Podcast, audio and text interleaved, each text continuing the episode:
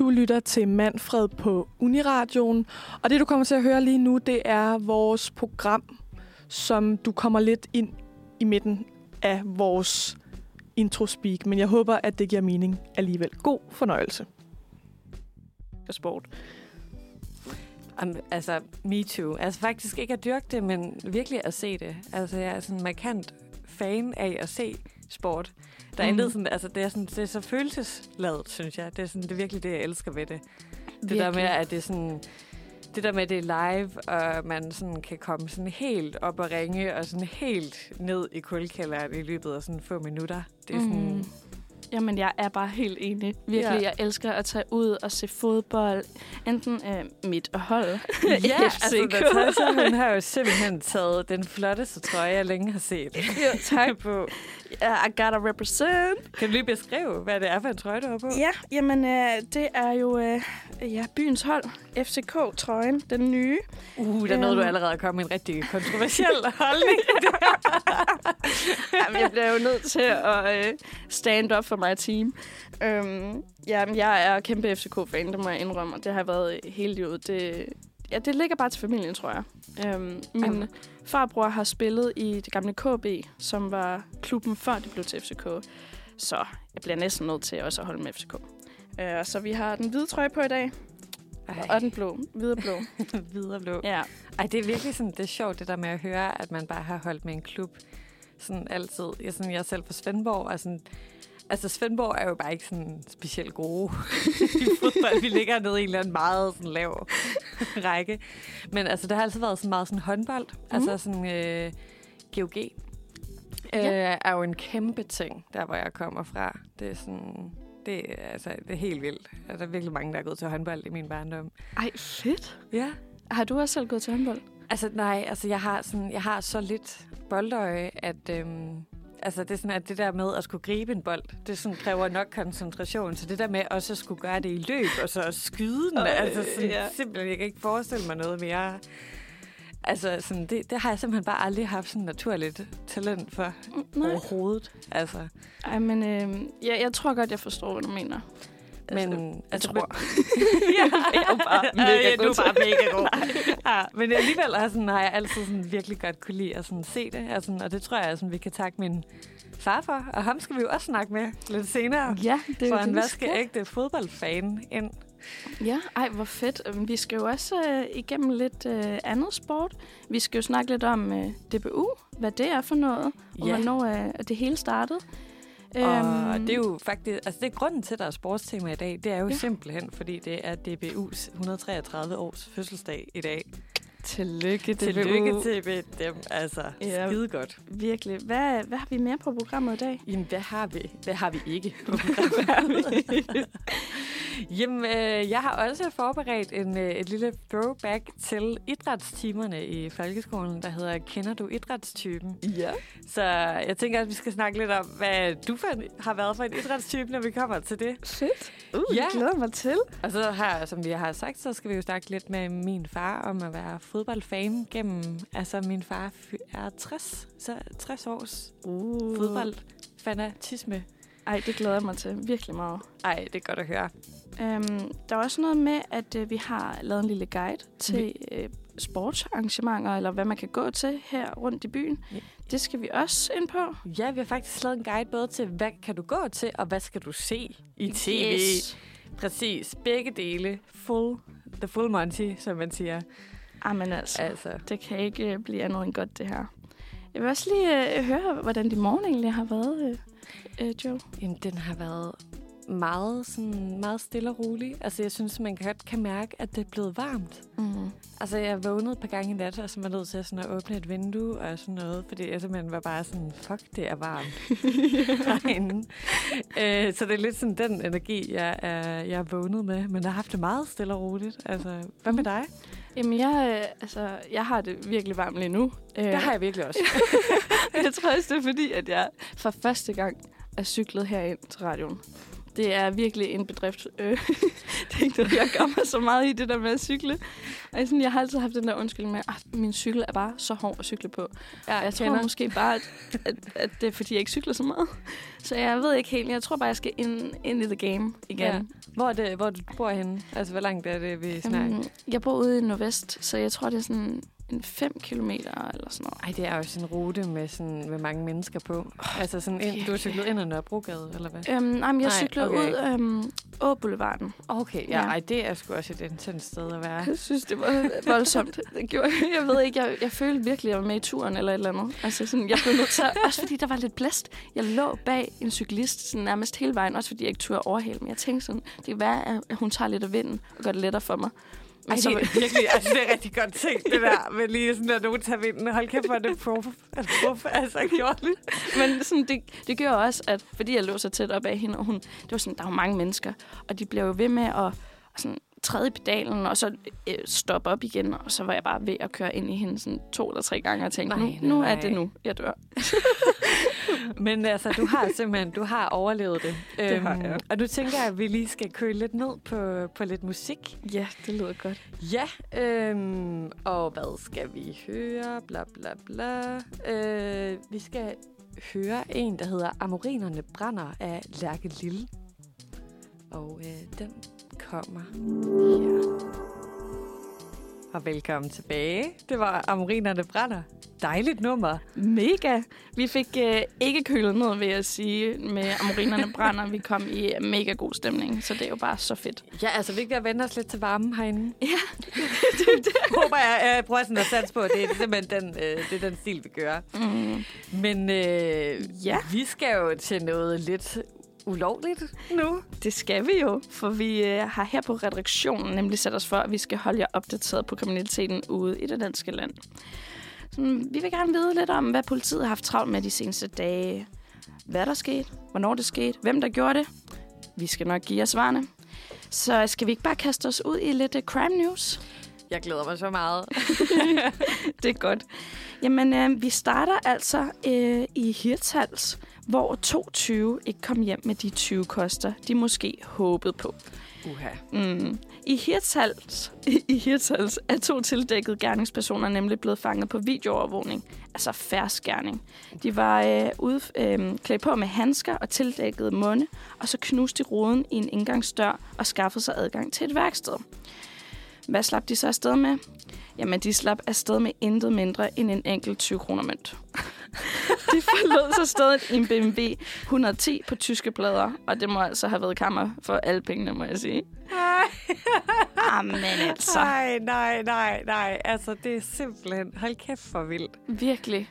Altså sådan, så for det første, man skal jo ikke, ty, øh, altså, man skal jo ikke begå indbrud. Men så når man gør det, så er det måske...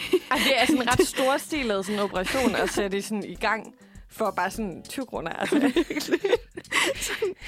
ah, men øhm, man må håbe, at de så ikke kaster sig ud i sådan et projekt endnu en gang. Jamen, jeg tænker også bare med sådan hele inflationen og alt sådan noget nu. Altså, ting er jo ved at blive sindssygt dyre. Sådan en 20'er, den rækker simpelthen ikke særlig langt. Du kan ikke engang få en pose slik for det mere, nej, tror jeg. nej, det tror jeg virkelig heller ikke, du kan. Eller en bakke æg, eller sådan Nej, noget. nej, nej, gud. Ej, ja. Uh. De er også blevet sindssygt dyre. Ja, det, ja det, det er sådan en helt anden snak. Men øhm, det, vi kan i hvert fald sige, at øh, det var altså, ikke det jeg værd. tænker, man skal være sikker på, at man sådan scorer the big bucks. Eller sådan, det er i hvert fald, hvis jeg sådan, gud forbyde det, skulle ud i sådan noget kriminelt noget, Mm. så skulle jeg simpelthen være sikker på, at jeg bare kunne stikke af sådan til et eller andet langt, langt, langt, langt, langt, langt væk og leve i sådan en susedus resten af mit liv. det er det der sådan... Ej, men også tænk, hvis de bliver taget for det. Altså, selvom de kun har øh, De blev blevet optaget, ja. og sådan, altså jeg har det sådan, det er simpelthen det dummeste, jeg længe har hørt om det der. Det, er- der er meget lidt Bonnie og Clyde over det. Virkelig. Virkelig. Jamen, øhm, Men- skal, vi ikke, øh, skal vi ikke hoppe videre? Jo, Fordi, at se om øh, det, der er nogle lidt klogere kriminelle derude. øhm, jeg kommer til at tænke på, om du kan lide øh, søde sager, Johanne. Det kan jeg rigtig godt. Ja, Lækkert. det er godt, fordi det er du ikke den eneste, der kan. Vi skal nemlig en tur til Hillerød, hvor et par unge piger forsøgte at snyde på vægten. Det var to 14-årige piger fra henholdsvis Gilleleje og Vejby, der tirsdag, blev, tirsdag eftermiddag kl. 16.26 blev afsløret, da de forsøgte at få lidt ekstra blandt selv slik i posen, uden at betale tilsvarende mere for det. Pigerne havde blandet slik i Bilka, og efter at have varet posen og printet prismærke ud, kom de yderligere slik i posen, inden de gik hen for at betale. Og den går jo altså ikke. Pigernes forældre og de sociale myndigheder blev orienteret om sagen. Okay. Det... Åh, Ja. ja. Oh. Den er jo ikke he- helt god, jo.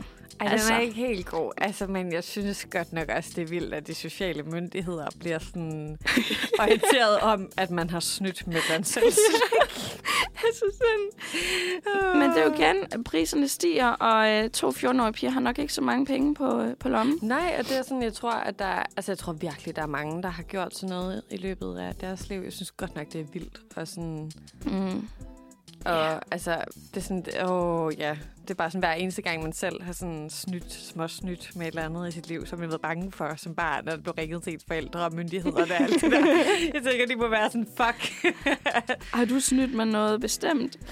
altså, jeg tror, jeg engang har taget et stykke slik i en blandt selv slægsforretning. Det, mm. det tror jeg, da jeg har. Altså, jeg kan ikke lige sådan ordret Mm. Altså, jeg, sådan, jeg tror, at nærmere jeg er kommet til at sådan, snyde ubevidst, eller sådan, altså, jeg har aldrig rigtig, jeg har altid været enormt bange for det der, mm. med at blive taget i det. Så jeg har aldrig rigtig sådan ture Ja. sådan, så meget med det der. Hvad, med dig? Har du sådan Mm. taget ekstra blandt selv slik i posen, efter den blev varet af? Nej, det, det føler jeg ikke, jeg har. Men jeg tror, jeg ved ikke. Nej, det tror jeg sgu ikke. Men er det ikke også noget med, når man går op og så har købt slik, så bliver det varet op ved kassen? Så jeg kan ikke sådan Jo, altså, forestille jeg mig. synes også, det er sådan lidt dumt, fordi det bliver det jo. Altså, de har jo en, sådan en vægt indbygget, mener jeg, i hele det der system. Ja, Altså, men jeg tænker også, det er sådan lidt overdrevet. Jeg tænker ikke, at de har puttet et ekstra kilo slik ned i posen. Sådan, det har måske bare været Ej, det vil fandme være dumt. Ej, jeg Men synes, sådan- det er sådan, jeg synes også, det er lidt en overreaktion fra Bilkas side, jeg Ja. sige. Men altså, A crime is a crime. a crime is a crime. Men jeg har, jeg har før, jeg tror, jeg har, jeg har sagt det her på radioen øh, før på et andet tidspunkt, men jeg har på et tidspunkt ubevidst kommet til at stjæle en taske fra en genbrugsbutik. Så, fordi at jeg var gået ind i butikken, og så, åh, den her taske, den er mega flot. Det er sådan en nettaske. Ja. Smed den over skulderen, fordi det bare var lettere, fordi så kunne jeg jo øh, gå rundt og, og nusse rundt om, Ja, om de ja. andre ting, sådan lidt tøj og sådan noget. Og jeg fandt jo mega meget, og så glemte jeg efter en time i genbrugen, at jeg havde taget tasken over skulderen. Så øhm, jeg betalte for mine ting, og så på vej hjem, så finder jeg ud af, åh oh gud, jeg har jo stjålet den her taske. Og det kunne jeg simpelthen ikke bære, selvom den kostede en 20. Så jeg ringede ned til genbrugen og var sådan, jeg har kommet til at tage jeres taske. og så sendte jeg nogle penge på MobilePay til dem. Nå, Ja, så sådan, ej. Det, det, det jeg lige kan komme til øh, på tanker om. Altså, jeg tror, øh, det er også fordi, det nok er det, det, der er sket for nylig. Men altså, Um, a crime is a crime. A crime is a crime. altså, men du, øh, du er bekendt, simpelthen, du er bekendt kulør, og det synes jeg er rigtig ja. flot. og noget andet, der er flot, det er øh, stjerner. Og nu skal vi simpelthen høre Superstar med Sonic Girl featuring Dragon Girl. Er du klar til den sang? Det er jeg i hvert fald. Velkommen tilbage. Velkommen tilbage. Det var simpelthen Superstar med Sonic Girl og Dragon Girl. super Altså fedt nummer. fede, fede navne har vi lige snakket om. Mm, Hold da op. det må man sige. Altså, jeg kan lige... Jeg ved ikke, hvordan jeg forestiller mig, men jeg forestiller mig sådan lidt øh, eventyr-vibe over dem. Og jeg ved ikke, hvorfor. Ja, sådan, og sådan meget sådan anime, og Ja. sådan, altså sådan hele sådan, sådan tegneserie-vibe får jeg også. Altså naturligt nok, når det er sådan Sonic, eller sådan, men det giver jo pisse god mening, jo. det giver meget god mening. meget sådan, det er ikke, fordi jeg laver, har en fantastisk hjerne, der laver nogle mega store spring. Øh, yes. But I like it. Men altså, det her nummer hed jo Superstar, og noget andet, som har formet nogle superstjerner gennem tiden, det er simpelthen øh, DBU. Det er det jo. Dansk Boldspils-Union, som har 133 års fødselsdag i dag. Woo. Tillykke til dem. Tillykke. Altså, om de fleste kender nok det her lille røde markat med den hvide skrift, hvor der står DBU. Øhm, Yes. Og øh, skal vi lige starte med at sådan forklare, hvad DBU egentlig er? Øh, det er intet mindre end det øverste ledelsesorgan inden for den organiserede fodbold i Danmark. Men altså, hvorfor er det her egentlig blevet startet, og hvad skete der lige? Det har vi tænkt os at lige introducere jer for her de næste minutters tid. yes. Jamen, altså, det hele startede i, for 133 år siden. I 19... Nej, ikke i 19. Nej, for helvede. Jeg starter godt. I 1889. Simpelthen. Ja. Mange år siden. Puha. Og der var en gruppe foreninger, altså hele 86 af dem, øhm, som spillede cricket og eller fodbold, og som blev inviteret til møde den 18. maj. Foreningerne blev her præsenteret for ideen om Dansk Boldunion, og her var der 26 ud af de 86 foreninger optimistiske og synes det lød som en knaldgod idé. De blev dermed de første repræsentanter for DBU. Jeg synes allerede, det er sjovt, det her med cricket. ja. For det anede jeg ikke. Ej, ingen anelse. Altså, Altså- det, det, altså det, det må man sige, det er simpelthen kommet lidt ud af DBU øh, siden da. Ja, jeg, Ja. jeg kender ikke så mange, der, der spiller cricket. Jeg har en enkelt gang prøvet det. I, vi havde sådan et forløb med det i idræt, hvor vi prøvede det. Mm. Ja. Okay, var du så god til det? Øhm, nej, jeg tror heller ikke helt, I forstod reglerne på noget tidspunkt. Men det tror jeg ikke, det var nogen, der gjorde. Ej, jeg tror heller ikke, jeg er helt med. Altså, jeg forestiller mig lidt, at det, det, det der krokket. Ja, men det er sådan, altså man står med et eller andet bat, og så er der sådan nogle tre sådan... Øhm, øh, hvad nu det hedder, sådan pæle eller sådan noget bagved, som man skal prøve at ramme med bold. Det er sådan lidt blanding af øhm, baseball og croquet, eller sådan, ah. det er meget sådan spøjs. Okay, jeg tror, Stort. jeg er med. Det er ret stort i Indien, og tror jeg. Fun fact. Fun fact. øhm, men tilbage til DBU. Det Ja. blev simpelthen dannet her for 133 år siden, og det var med et enkelt formål, at fremme boldsporten i Danmark. Altså så, der kan man jo også sige, altså cricket er jo også en boldsport, selvom jeg forbinder det mere med det der gigantiske bat.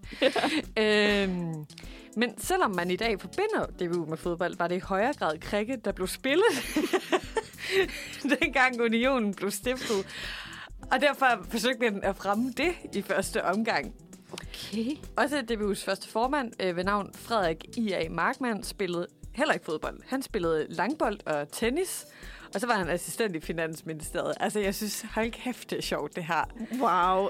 Altså, Altså, what, det, what, what? Mm, Jeg tænker bare sådan, når man tænker DPU, så tænker man jo fodbold.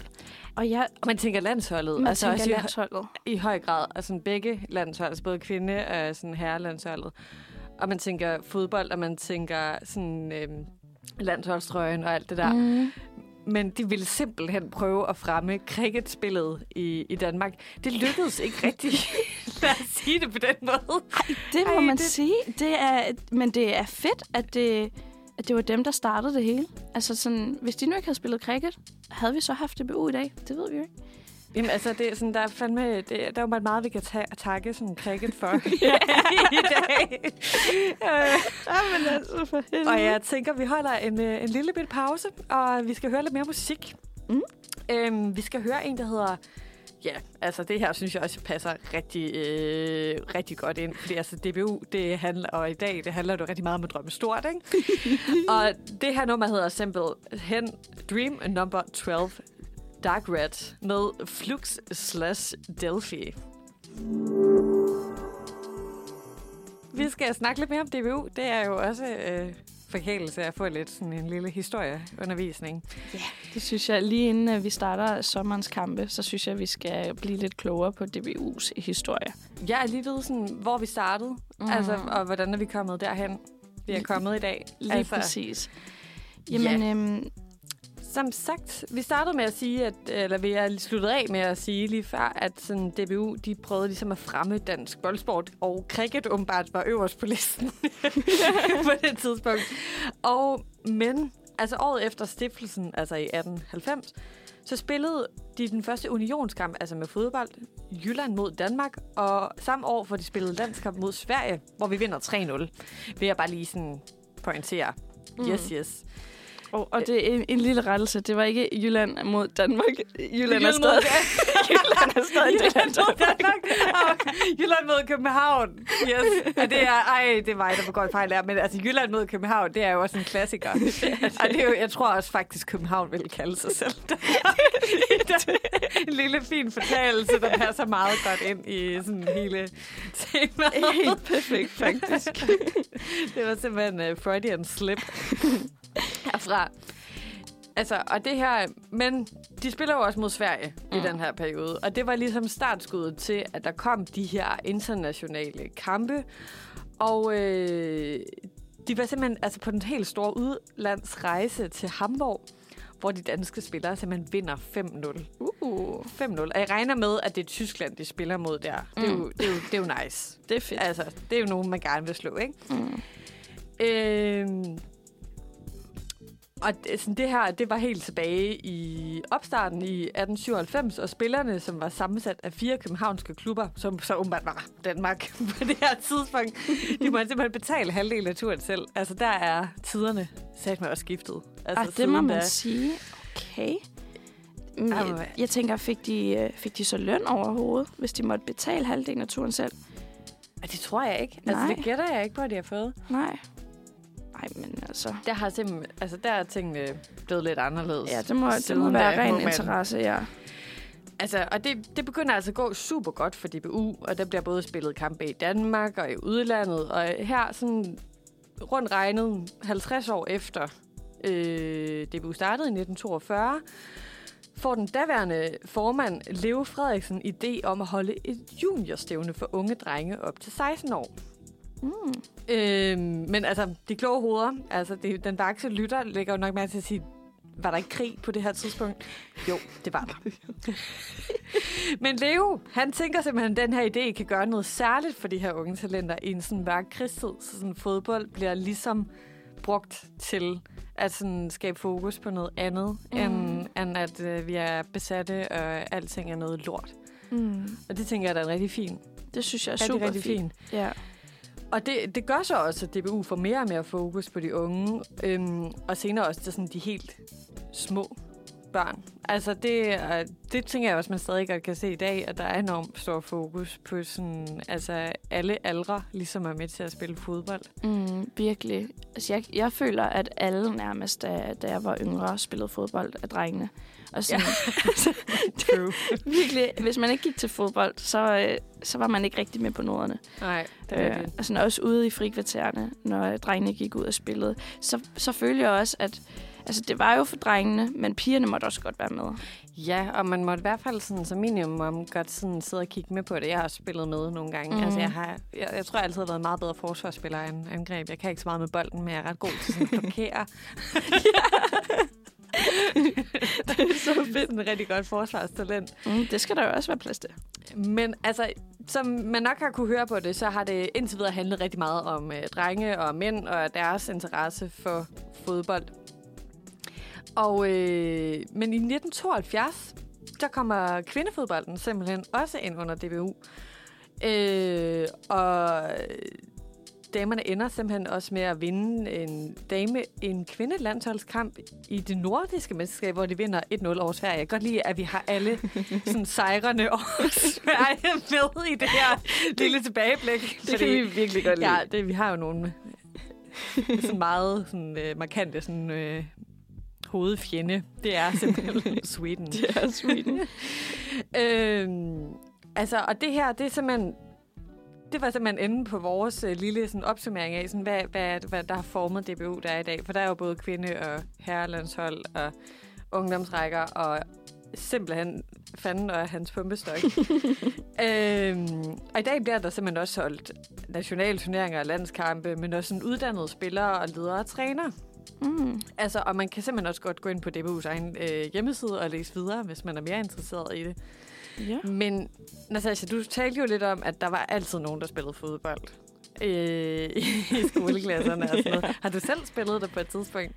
Altså, jeg har ikke gået til fodbold. Nej. Øhm, en af de eneste sportsgrene nærmest, jeg har gået til. Men jeg elskede at gå med ud i frikvarteren og spille med drengene. De synes nok, jeg var sådan en lille, lille smule irriterende, fordi jeg jo ikke kunne finde ud af det. Men øh, vi ville jo bare så gerne være med. Så det var mega sjovt. Jeg har også spillet lidt fodbold her på uni. Altså, når jeg siger lidt, så var det måske fire-fem gange, hvor jeg var med ude og spille med, med drengene. Men sådan, jeg tog derhen med en af mine veninder fra studiet. Mm. Og så, da hun øh, ikke ville gå til det mere, så stoppede jeg også lige så stille og roligt. så jeg tror, det har meget mere det der sociale i det. Ja. Øhm, men øh, jeg synes, det er mega sjovt. Og du har været øh, stopklods. Var det det, du... Øh... Jamen, øh, god gamle stopklasse. Jeg kan også huske en gang, hvor jeg får simpelthen en bold tyret i hovedet, og får sådan blodnæs, der var sådan 15 minutter. Ej, nej, nej, nej, Ja, ja. nej. Men altså, jeg har altid elsket at se det. Altså, jeg har altid synes det var enormt sjovt. Og Mm. sådan, altså, enormt god stemning. Jeg vil faktisk også gerne begynde. Ja. Mig og mine veninder sådan, øh, havde en tanke om, at vi sådan, skulle begynde at være sådan nogen, der tog ud og sø, sø bold. Ja. Og fik et, sådan et, et hold, vi holdt med, og sådan noget andet end landsholdet.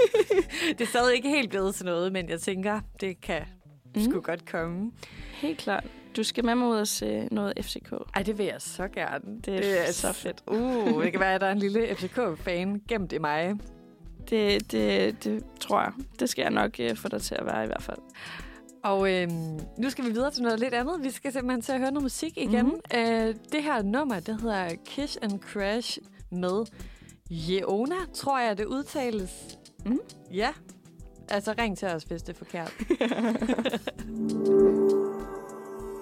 Velkommen tilbage. Du lytter til Manfred, og klokken den er blevet 9.39. Dine vært... li- 9.40 faktisk. Dine værter i dag, det er Natasha og Johanne. Og velkommen Ah, tilbage ja. her efter en knap så smooth overgang. Jeg synes, det var godt. ja, og det er altid, altid godt. Øhm, og nu skal vi simpelthen til noget andet, som måske nogle gange har været enormt smooth fra no- for nogle andre knap så smooth. Mm. Simpelthen idrætsundervisningen i, øh, i folkeskolen. I love it. Hvad er dine minder om, øh, om det, Natasha? Jamen, jeg elskede faktisk idræt. Altså, det var, jeg følte, det var det der frirum, fra, hvor man bare kunne øh, ja, boldre sig og snakke, med lidt, øh, snakke lidt med alle og øh, få noget energi i kroppen efter at have siddet ned hele dagen. Så jeg elskede det faktisk og så frem til det hver gang. Jamen, det, det kan jeg sagtens forstå. at du har haft det sådan. Jeg tænker, at øh, vi, vi kommer lige til at vente øh, et par minutter med at forklare, hvilken type jeg har været. Okay. Fordi øh, jeg- der, er- jeg har lavet nogle forskellige idrætstyper. Der er en af dem, der er sådan meget, meget stærkt inspireret af mig selv. Og det tænker jeg, at det skal vi nok komme ind på, når vi når til den. Det glæder mig til. Øh, men den, den første type, jeg håber, du genkender nogle af de her. Mm. Øh, det er simpelthen en, jeg har valgt at kalde fodbolddrengen. Ikke så kreativt navn, men øh, en, en, en type, jeg tænker, du sikkert kender. Mm. Han spiller ikke så overraskende fodbold og taler rigtig meget om det. øh, det bliver spillet i frikvartererne. Han har et klart favorithold, både dansk og internationalt, og han har også trøjerne til de her hold. Mm. 100. Og i idrætstimerne, så opstår der simpelthen brok hver gang programmet ikke står på fodbold. Så det er ofte, at sådan, han er sådan, hvorfor fuck er det, vi ikke spiller fodbold lige nu? det er sådan, men hver gang man skal ud i en ny sportsgren, så er han sådan, den bedste findes. Mm. Øhm, han er nok heller ikke helt så god til fodbold, som han er i sit hoved, eller sådan, som han tænker, han er. Han er ikke, sådan, Ja. han er ikke den nye Christian Eriksen. det er han ikke. Nej.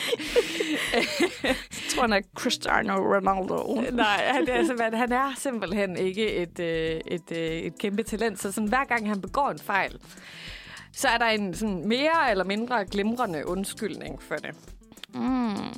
Jeg, kender, kan, du, kender typen? jeg kender typen, det gør jeg. Ja. Altså, jeg tror, vi havde et par stykker i hvert fald i min klasse i folkeskolen. ja. Altså, men ja, på en eller anden måde, selvom de var sådan små irriterende, så var de også altid bare lidt populære. Ja, altså, jeg har også en eller anden sådan, en, en lille kærlighed til den her type, Mm. fordi jeg synes, der er et eller andet ret sjovt i det der med at være sådan have sådan det her storhedsvandvid i forhold til sit talent, og så også gå så meget op i noget, at man altid sådan ligesom kan snakke om det. Ja, det er Ja. rigtigt. Og det, det var jo meget sjovt, det var det. Og sådan, jeg føler lidt i dag, der er jo, jeg føler lidt de, der, der gik meget op i det, Ja. og sådan, måske ikke havde talentet helt på deres side, de, øh, de er kommet efter det, og mange af dem øhm, tror jeg faktisk spiller fodbold i dag. De er sådan, Ja. sikkert på sådan en old boys team Ja. eller sådan noget, og så sidder de også altid på lægterne. Altså, de er, sådan, de er simpelthen at finde med en øl i holdet. Mm. Altså, øh, sådan ude på lægterne, og sådan, de var 100% til en EM-kamp sidste sommer. Helt sikkert. Ja, Virkelig. Altså, og jeg, jeg synes, det er så fedt. jeg synes også, det er ret smukt. og nu skal vi til en helt anden type. Øhm, vi kunne også bare kalde den her type øh, Johanne, men øh, jeg har simpelthen valgt at kalde det øh, sidste valget. Mm. Yes. Nå. Har intet boldøje og ingen koordination i kroppen. Gruer derfor altid for idrætstimerne, hvor personen altid bliver valgt sidst. Men det er måske også meget godt. øh, for der er heller ikke nogen sådan store... Det gør også, at der heller ikke er de store forventninger til evnerne, så den her person heller ikke sådan ligesom skal leve op til et eller andet vanvittigt ideal. Mm. Har enten opbygget noget selvironi i forhold til sine manglende evner, eller står i et hjørne med sådan et øh, redselslagen sådan blik og kig og bliver bange for at blive sat til noget. Mm. Øh, det er så almindeligt kendt, at den her person er, så, er, er virkelig dårlig til idræt, at sådan overraskelsen og opbakningen er kæmpestor, hvis personen pludselig viser sig at kunne finde ud af noget. det har, så har simpelthen været mig. Jeg har altid været notorisk dårlig til sådan alt, hvad der har med bolde eller med sådan, øh, idræt. Jeg har simpelthen ikke nogen ko- altså, koordination i kroppen. Så hvis jeg nu kastede den her til... Altså, det ville være sådan rigtig... Nej, jeg kan. Altså, Natasha, hun står simpelthen og tror med at kaste en mælkekarton gennem rummet. øh, det kunne ende rigtig galt. Au, det går nok ikke. Nej. Øh, ej, jeg har altid været enormt øh, dårlig til det. Nå, ej, for pokker. Ja. Men så du har aldrig gået til noget sport? Jamen, altså, jeg var en rigtig ridepige, jeg var Ja. lille. Altså, jeg har altid været rigtig Uh. vild med dyr, så jeg gik til det. Øh, jeg har også gået til noget sådan, altså gymnastik, som sådan ret lille og sådan nogle ting. Øh, Mm. mm. Men nej, altså jeg, sådan, jeg, var, jeg var simpelthen, altså jeg tror også mine forældre også godt sådan erkendte, at der var sgu ikke altså, sådan noget stort talent. Jeg har engang været med til at spille noget sådan skole basket. Jeg ved ikke, hvorfor fanden jeg skulle være med til det, fordi der har aldrig været nogen, der var dårligere til noget. Jeg har virkelig heller ikke højden, skal det siges, til at spille basketball. øh, så jeg altid sådan set det lidt som en ydmygelse, men det blev også lidt nogle gange en ting, at jeg var sådan så dårlig til det, at, Ja. sådan, at det blev lidt hyggeligt. Og så var det sådan, folk var altid enormt imponeret, når jeg kunne gribe en bold i rundbold eller sådan noget. Og det er jo også fedt, jo. Ja, ja. Sådan, så kan man Og lige prove også, them wrong. også, også lidt ydmygende, når man sådan, altså, bliver virkelig berost for noget for andre. At sådan bare sådan, fedt du greb. Eller sådan, Ja, ja. det kan jeg faktisk godt se. ja. Så jeg har stadig sådan, hver gang man skal et eller andet, så er jeg sådan, fuck, og død, mm. når man skal spille rundbold. Fordi jeg bare sådan, jeg ved, jeg kommer til at ikke stråle. Men så kan du ride. så kan jeg redde. Ja. ja, det kan jeg faktisk. Det, Og det er jo faktisk endnu bedre, jo faktisk. ja, det er rigtig godt at Ja. kunne ride. øhm, jeg tænker, at øh, vi skal videre med lidt typer efter en pause, men vi skal simpelthen også ud og høre lidt musik øh, nu. Mm. Og øh, det er et nummer, der hedder Coyote med Gorgeous. Og det kommer på her. Velkommen tilbage. Velkommen tilbage. Vi er i fuld gang med Kender du idrætstypen? Wow. Og øh, indtil videre, så har du jo, du har jo genkendt typerne, Ja. Natasha. Og jeg tænker, vi springer direkte ud i en, øh, en lille, lidt anderledes type. Det er simpelthen lærertypen. Jeg har simpelthen bare valgt at kalde dem gymnastiklæreren, for at få det der sådan lidt gammeldags øh, udtryk. Ja, hvor fedt. Yes. Og gymnastiklæreren, det er en type, som elsker at undervise i idræt. Og som altid sådan kender en øh, ny og lidt underlig sportsgren, som eleverne ikke har prøvet af endnu. Og Det kan for eksempel være cricket, der har jeg engang haft en lærer. Det er simpelthen øh, dedikeret et helt undervisningsforløb til, at vi skulle spille cricket. Altså, ingen af os blev gode til det, eller forstod reglerne, eller noget som helst. Men, øh, men altså, han fik point for dedikation Ja. til det. Ej, hvor fedt. Øhm, den, her, sådan, den her lærer, han, han eller hun går også typisk til 30 forskellige sportsgrene i privaten. Altså, der er simpelthen der er ikke, det er ikke det. Der er ikke har prøvet af. Har også altid sådan lidt sportstøj på, når der ikke er idræt. Og sådan gerne sådan en praktisk rygsæk i en frisk farve på, når de går rundt på skolen. Kender du typen? Mm-hmm. Ja. Oh my god, jeg- kender flere faktisk. Ja. På hver deres måde. Altså, det er sådan, jeg, jeg kommer helt tilbage i den der øh, idrætsstemning, der var. Ja. Og, sådan, og jeg, jeg sagde jo godt, øh, jeg sagde her tidligere, at jeg faktisk elskede idræt, men der var altså også tidspunkter, hvor jeg bandede det langt væk. Øhm, og det var især på grund af de der idrætslærer. Og jeg, de var super fede, men nogle gange, jeg ved ikke, de havde sgu øh, lidt for høje forventninger til os øh, små børn. Altså sådan, Præcis. nu skal vi ud og, og løbe fire runder rundt om fodboldbanen, og vi er altså ikke andet end, end 10 år, og vi har jo ikke engang, altså sådan, vi kan jo ikke gå så langt nærmest. Og sådan, jeg kan huske, sådan, det var virkelig noget, øhm, der var mange, der frygtede. Sådan, min søster øh, har altid haft sådan lidt problemer med sin knæ, øhm, og kunne faktisk, altså det var virkelig dårligt for hende at løbe. Men øh, det var de skulle ligeglade med. Altså sådan, det er bare afsted. Og så, de blev nærmest sure, hvis man gik sådan lidt af vejen. Ja. Øhm, så sådan, der- der er også lidt traume forbundet med de der idræts, idrætslærer, vil jeg sige. Jeg vil bare sige, der er nogle gange sådan den der manglende forståelse, før man kunne synes, noget var grænseoverskridende, eller at øh, noget, sådan, man bare sådan ikke kunne finde ud af noget. Mm. Altså, det, der var altid sådan en overraskelse. Ja, for netop det der med ambitionsniveauet, nogle gange var sådan tårnhøjt, ja. hvor man tænkte sådan... Altså sådan noget, for eksempel sådan noget, som at skulle spille håndbold. Altså, sådan, det kræver jo altså ret meget, vil jeg sige. Mm. Altså sådan i forhold sådan talentmæssigt. Og sådan, det, det, det, og sådan træningsmæssigt. Og det var sådan, det, det blev aldrig rigtig en succes. Altså jeg tror også, det er derfor fodbold altid var noget, man sådan spillede, fordi at sådan, det, mm. det, kan, det kan spille på rigtig mange forskellige niveauer. Og det er der bare andet, der simpelthen ikke kan. Jamen, virkelig. Jamen, der, der var, ja, jeg ved ikke, ja, det var bare, det var i hvert fald en tid, vil jeg sige. Jamen, det er det, og man kan bare mærke, at der er nogle af dem, der er sådan også, altså nogle af de der lærere, der bare gerne har ville være professionelle øh, sportsfolk, Virkelig. som bare sådan tænker, nu skal sådan jeg simpelthen, nu, de vil gerne finde den næste Christian. men, men det var gode tider. Ej, jeg, jeg må så sige, det, det er jo ikke så meget en idrætslærer, men jeg kan huske i 0. ja, Der, jeg havde et idræt dengang. ja. Og det var ikke fordi, at vi skulle øh, ud og løbe en masse eller noget. Men det var fordi, at min lærer, øh, som så ikke var idrætslærer, hun var bare vores klasselærer. Jeg ved ikke, om det er sådan en, mm. en normal ting. Og jeg ved ikke, om det er normalt, man gør det. Men hun ville have, at vi alle sammen, altså både drenge og piger, ja. øh, og det derimellem, de skulle øh, gå i bad sammen. Det skulle vi også. Ej, Og jeg, var... ved, og jeg ved ikke, men jeg, jeg kunne simpelthen ikke altså, klare det. Og sådan, jeg ved ikke, om jeg havde alt for sådan meget selvbevidsthed dengang, fordi de andre, de smed jo tøjet, og synes jo, det var en kæmpe fest, når vi skulle gå der runde ind og sådan på række ind i det der bad. Men jeg havde det så meget, altså jeg fik ondt i maven hver gang, øhm, fordi jeg bare ikke kunne lide det. Ja. Så jeg, sådan, jeg troede virkelig, det bare var noget, der blev gjort på vores skole, for jeg var sådan, det kan ikke være i Ej, orden. det, det, det skete også for os. Og skal jeg huske, at sådan ret hurtigt blev delt ind i sådan drenge og piger. Men jeg kan også huske, sådan, at netop i de der helt små gla- klasser, altså nogle af drengene gjorde det, at de kom ind og bare sådan åbnede døren, mens man stod og var i gang med sådan at klæde om. Mm. Det var virkelig sådan også mega traumatiserende.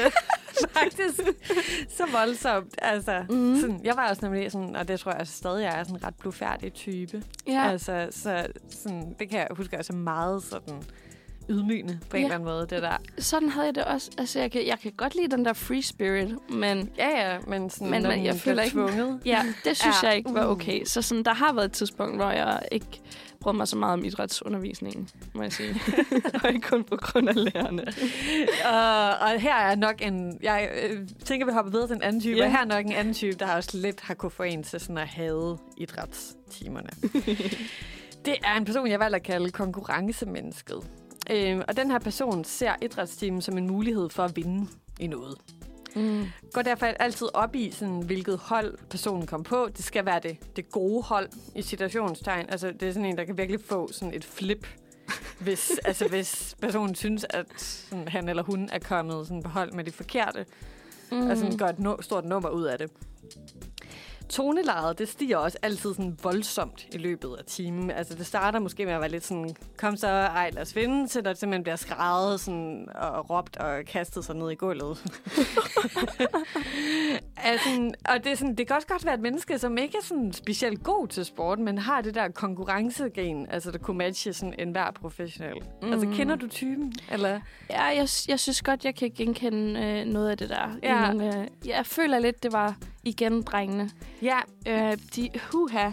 altså sådan, det var nærmest, idræt blev, idrætsteam blev øhm, hele det der identitetsskabende øh, øjeblik for dem på en eller anden Ja, måde. Så det er så rigtigt. det var så sindssygt. Øhm, så ja, det, det kan jeg godt se for mig. Øhm, altså, sådan, man måtte næsten ikke lave nogen fejl, eller... Ja, præcis. Altså, man blev virkelig skældt ud, hvis man kom til sådan at... Altså, jeg tror også, det er sådan, som en, der var dårlig selv. Mm. Altså, det var også min skræk nogle gange at havne på holdet med sådan en person, fordi jeg er selv meget sådan konkurrencemindet menneske, som også gerne vil vinde ting. Men altså, hvis man så også bliver udsat for det der pres, når man bare ved, sådan, at altså, jeg kommer til at være dårlig, og det er sådan, det kommer til at være, og så er der en, der står og råber af en, fordi man ikke kan finde ud af at gribe en bold, så bliver det ligesom ikke bedre. Oh my god, det er så rigtigt. Ej, bare sådan, kom on, det er høvdingbold, det her.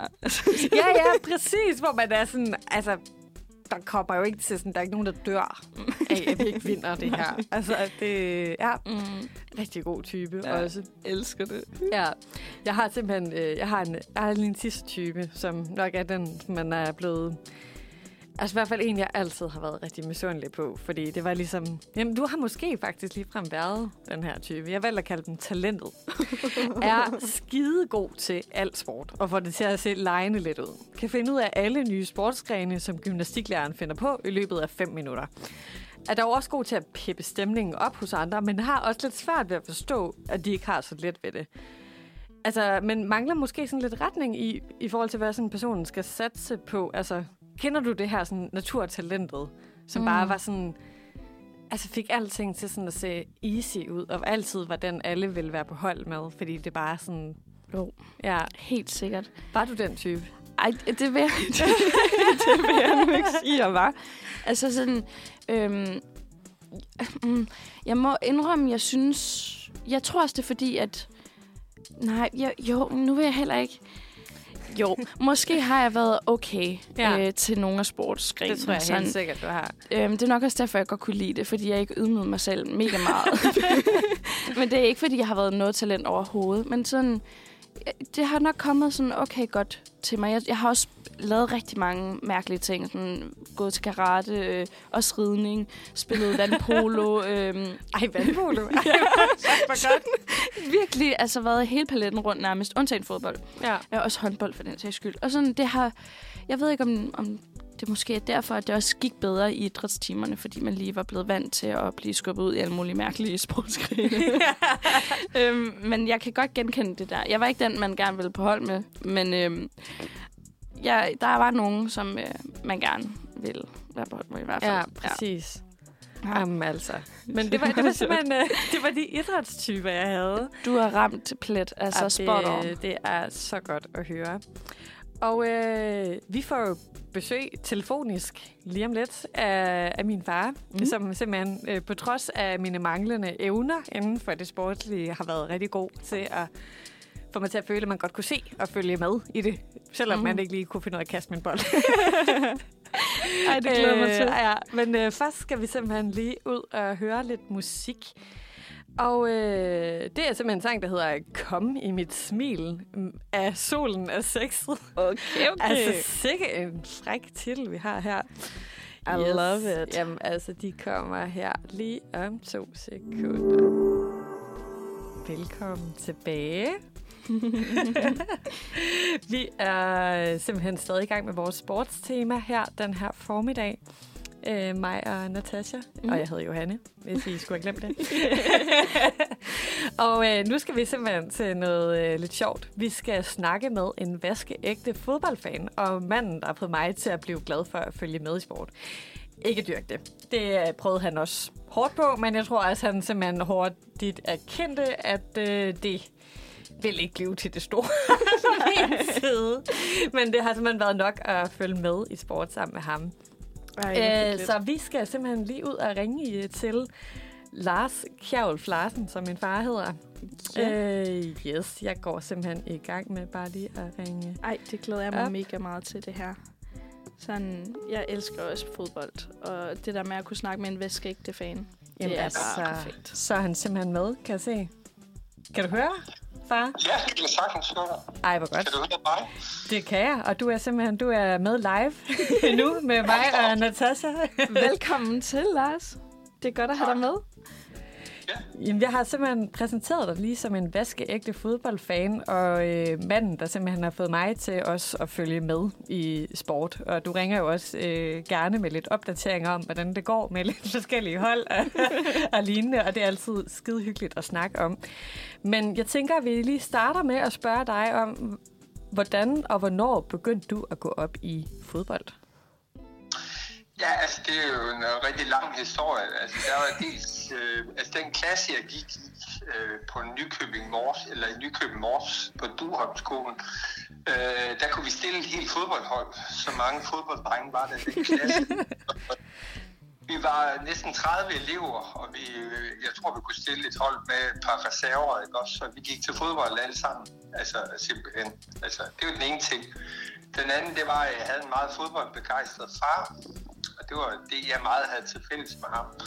Og, og jeg tror, min debut, det var, øh, i, øh, da der var VM i 1970, der spillede øh, Italien og Vesttyskland en legendarisk semifinale. Og det var jo, det foregik jo i Mexico, så det var midt om natten, og lige pludselig blev jeg flået op af sengen af min far. var gået ud i forlænget spilletid, og Italien var kendt for at spille enormt defensivt dengang, men det gik lidt amok og vandt faktisk kampen 4-3 fuldstændig uhørt.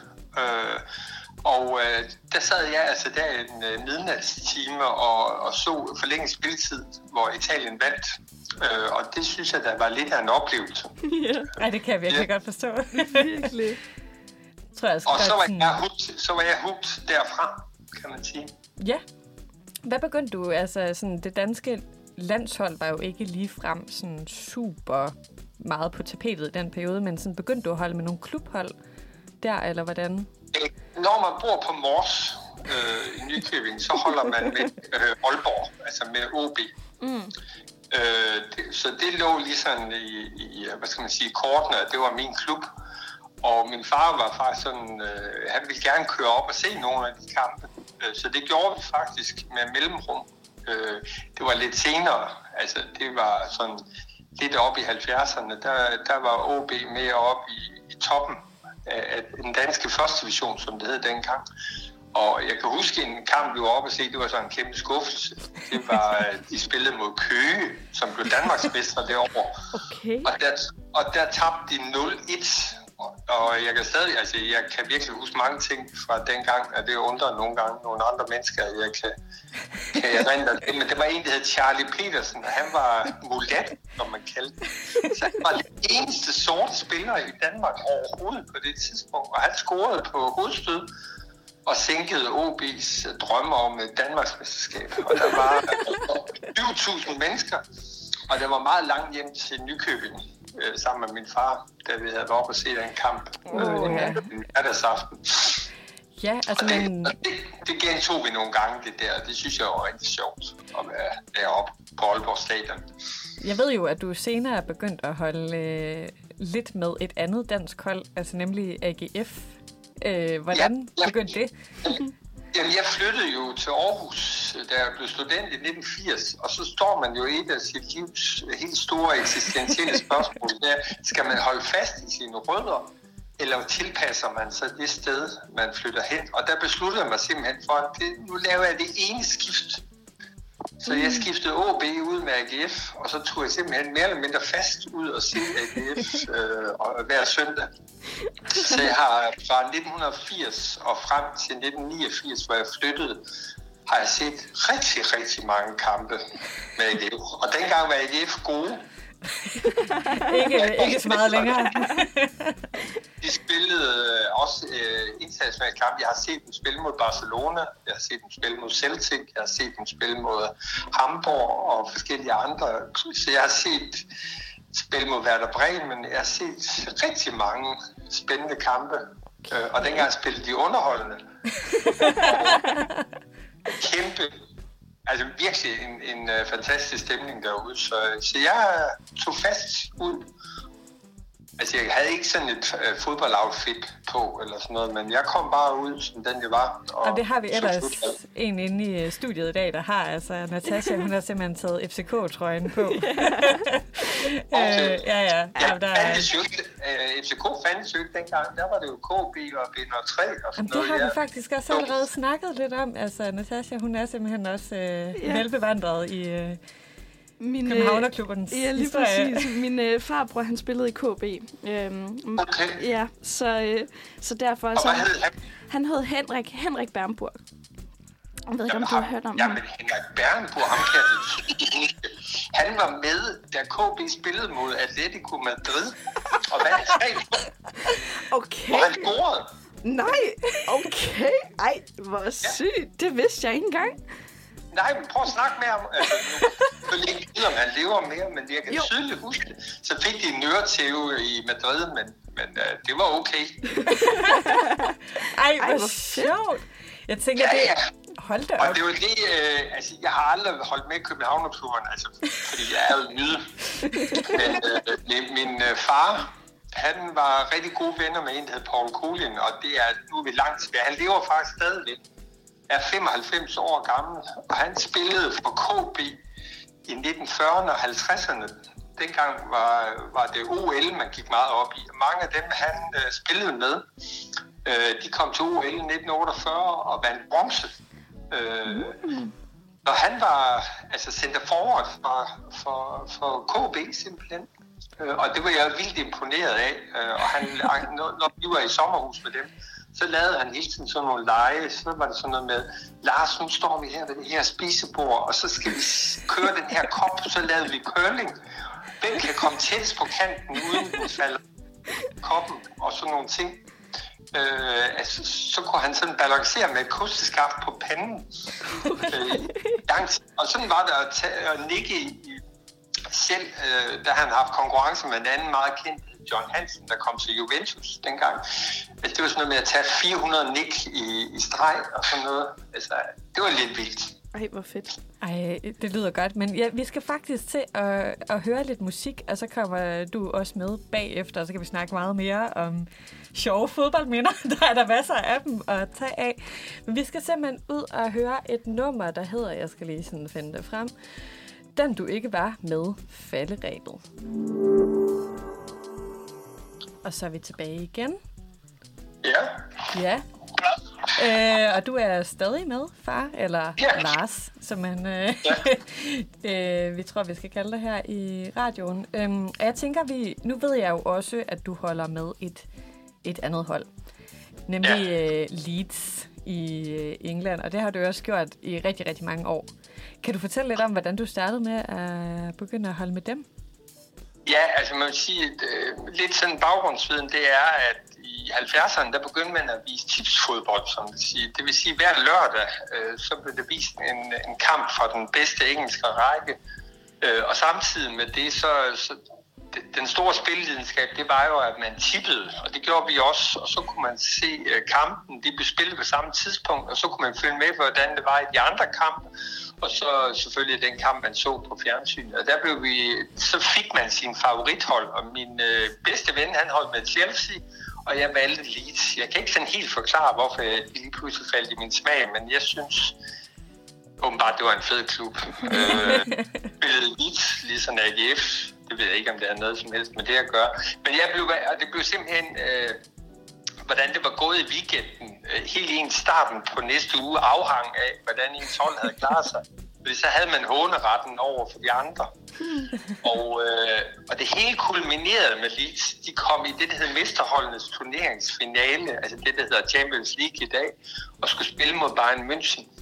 Og, og det er nok den mest traumatiske dag i, fodbold, i mit fodboldliv, fordi Leeds havde alt spillet, fik annulleret et mål øh, fejlagtigt, og så til aller, aller sidst, så scorede øh, Bayern München på et øh, tilfældigt øh, modangreb. Øh, og Leeds-tilhængerne gik fuldstændig berserk. Øh, Den blev spillet på Parc de Prince i Paris, og de øh, hævde alle sæderne af øh, stadion og kastede ind på banen, og de blev udelukket, jeg tror, i fem år fra samtlige turneringer på grund af deres dårlige adfærd. Nej, nej, nej, nej. Men altså, det Derfor er passer de jo, jo... øh, kaldt, de bliver jo populært kaldt dirty leads, ikke også? Fordi øh, de har virkelig ikke haft nogen særlig søde tilhængere. Altså, du holder simpelthen med Og- bølleholdet. Altså. Ja, altså øh, mareridtet, det var, når Leeds skulle spille mod Millwall, øh, som var sådan en øh, London-klub, som havde sådan nogle meget højorienterede tilhængere. Og så var det lagt op til slagsmål mellem øh, de forskellige hooligans. Og der er flere, der har sagt, hvorfor sådan en øh, belæst historielærer, hvordan kan han holde med Dirty lige? Så siger jeg, det kan godt være, det er sådan et eller andet, man lever ud, altså, som man ikke selv tør at sig selv, det skal jeg ikke kunne sige. Men jeg holdt fast ved Leeds, øh, og det har været en, øh, de fik en optur igen i 90'erne, og så kom den kæmpe nedtur. Og så frem til 2018, hvor de så er rykket op i Premier League igen her i, i 2020. Og så, øh, ja, Ja, nu kæmper lige du for nu- ikke at rykke ned Ja, lige nu er og det- jeg går lidt rundt om mig selv og har det ikke specielt godt. Og det bliver afgjort i weekenden her. Og hvem skal de spille imod? De skal spille mod Brentford med alle danskerne, med Christian Eriksen i spidsen. Så det kan være Christian Eriksen, der sænker mit hold. Søndag. Åh, men nej. øh, det bringer mig jo faktisk over til det næste, vi lige skal snakke om. For noget, du også altid har sådan indført mig i, det er det der med at se landsholdsfodbold.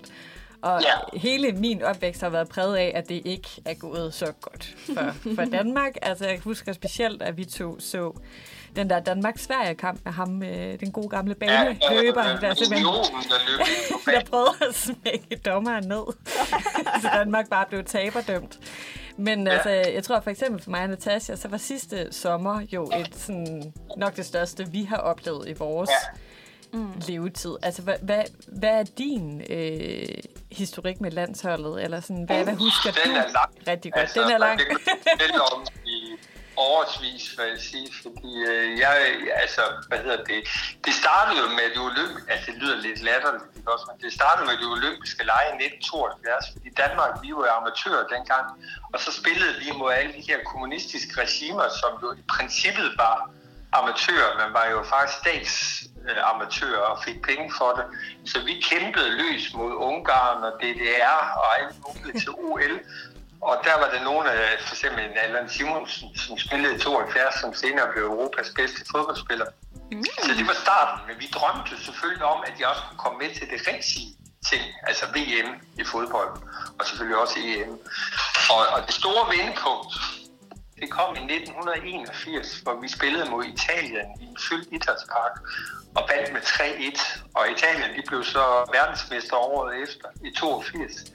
Og vi var faktisk de eneste, der havde slået Italien på hele den rejse hen Yes. mod øh, VM-titlen i 82. Og det var ligesom der, det hele vendte. Og så kom der EM i 84 og VM i 86. Og så endte det jo bræt i 88, og så tænkte vi, nu ser det helt og helt fedt til ud. Og så kom det der mærkelige mirakel i 92, hvor Danmark blev europamester. Hvor man tænkte, hvordan kunne det ske? Altså, en spiller fra Lyngby, Henrik Larsen, blev vores topscorer. En, jeg sådan havde forbandet langt væk og sagde, hvad pokker skal det Nordsjællænder spille på vores landshold. Hvad laver han dog der? Og så bankede han den ind imod Frankrig. hvor man tænkte, hvad skete der lige der? Var det bare sådan en lucky punch? Så gjorde han sgu det samme i, mod Holland i semifinalen. Han gjorde det så ikke i finalen, der var det så en anden fra Vestegnen, der lige pludselig gamle øh, ikke også? John og Faxe. reelt den kamp sammen med Kim Vilfort, som jo også var Brøndby-mand. Så, så det var ligesom Brøndby-æren, der, der toppede der. Mm. Ikke også? Ja. Og så kom jo den her lange tørke med en lille undtagelse i 98, hvor, hvor Danmark kom i kvartfinalen, øh, hvor vi spillede lige op mod Brasilien. Men det var alligevel det der med at slutte i en kvartfinale, det, det, det gav ikke det der kick, som det sidste sommer, hvor vi, ja, som du siger, at øh, der er ligesom øh, landsholdet vågnet op igen. Ja, der er det blev jo, altså, det var jo en helt vild ting at være en del af. Altså, og sådan, også med, altså også igen sådan lidt eventyragtigt, lidt ligesom i 92 med rigtig mange op- og nedture, og man tænkte, at nu var alt forbi.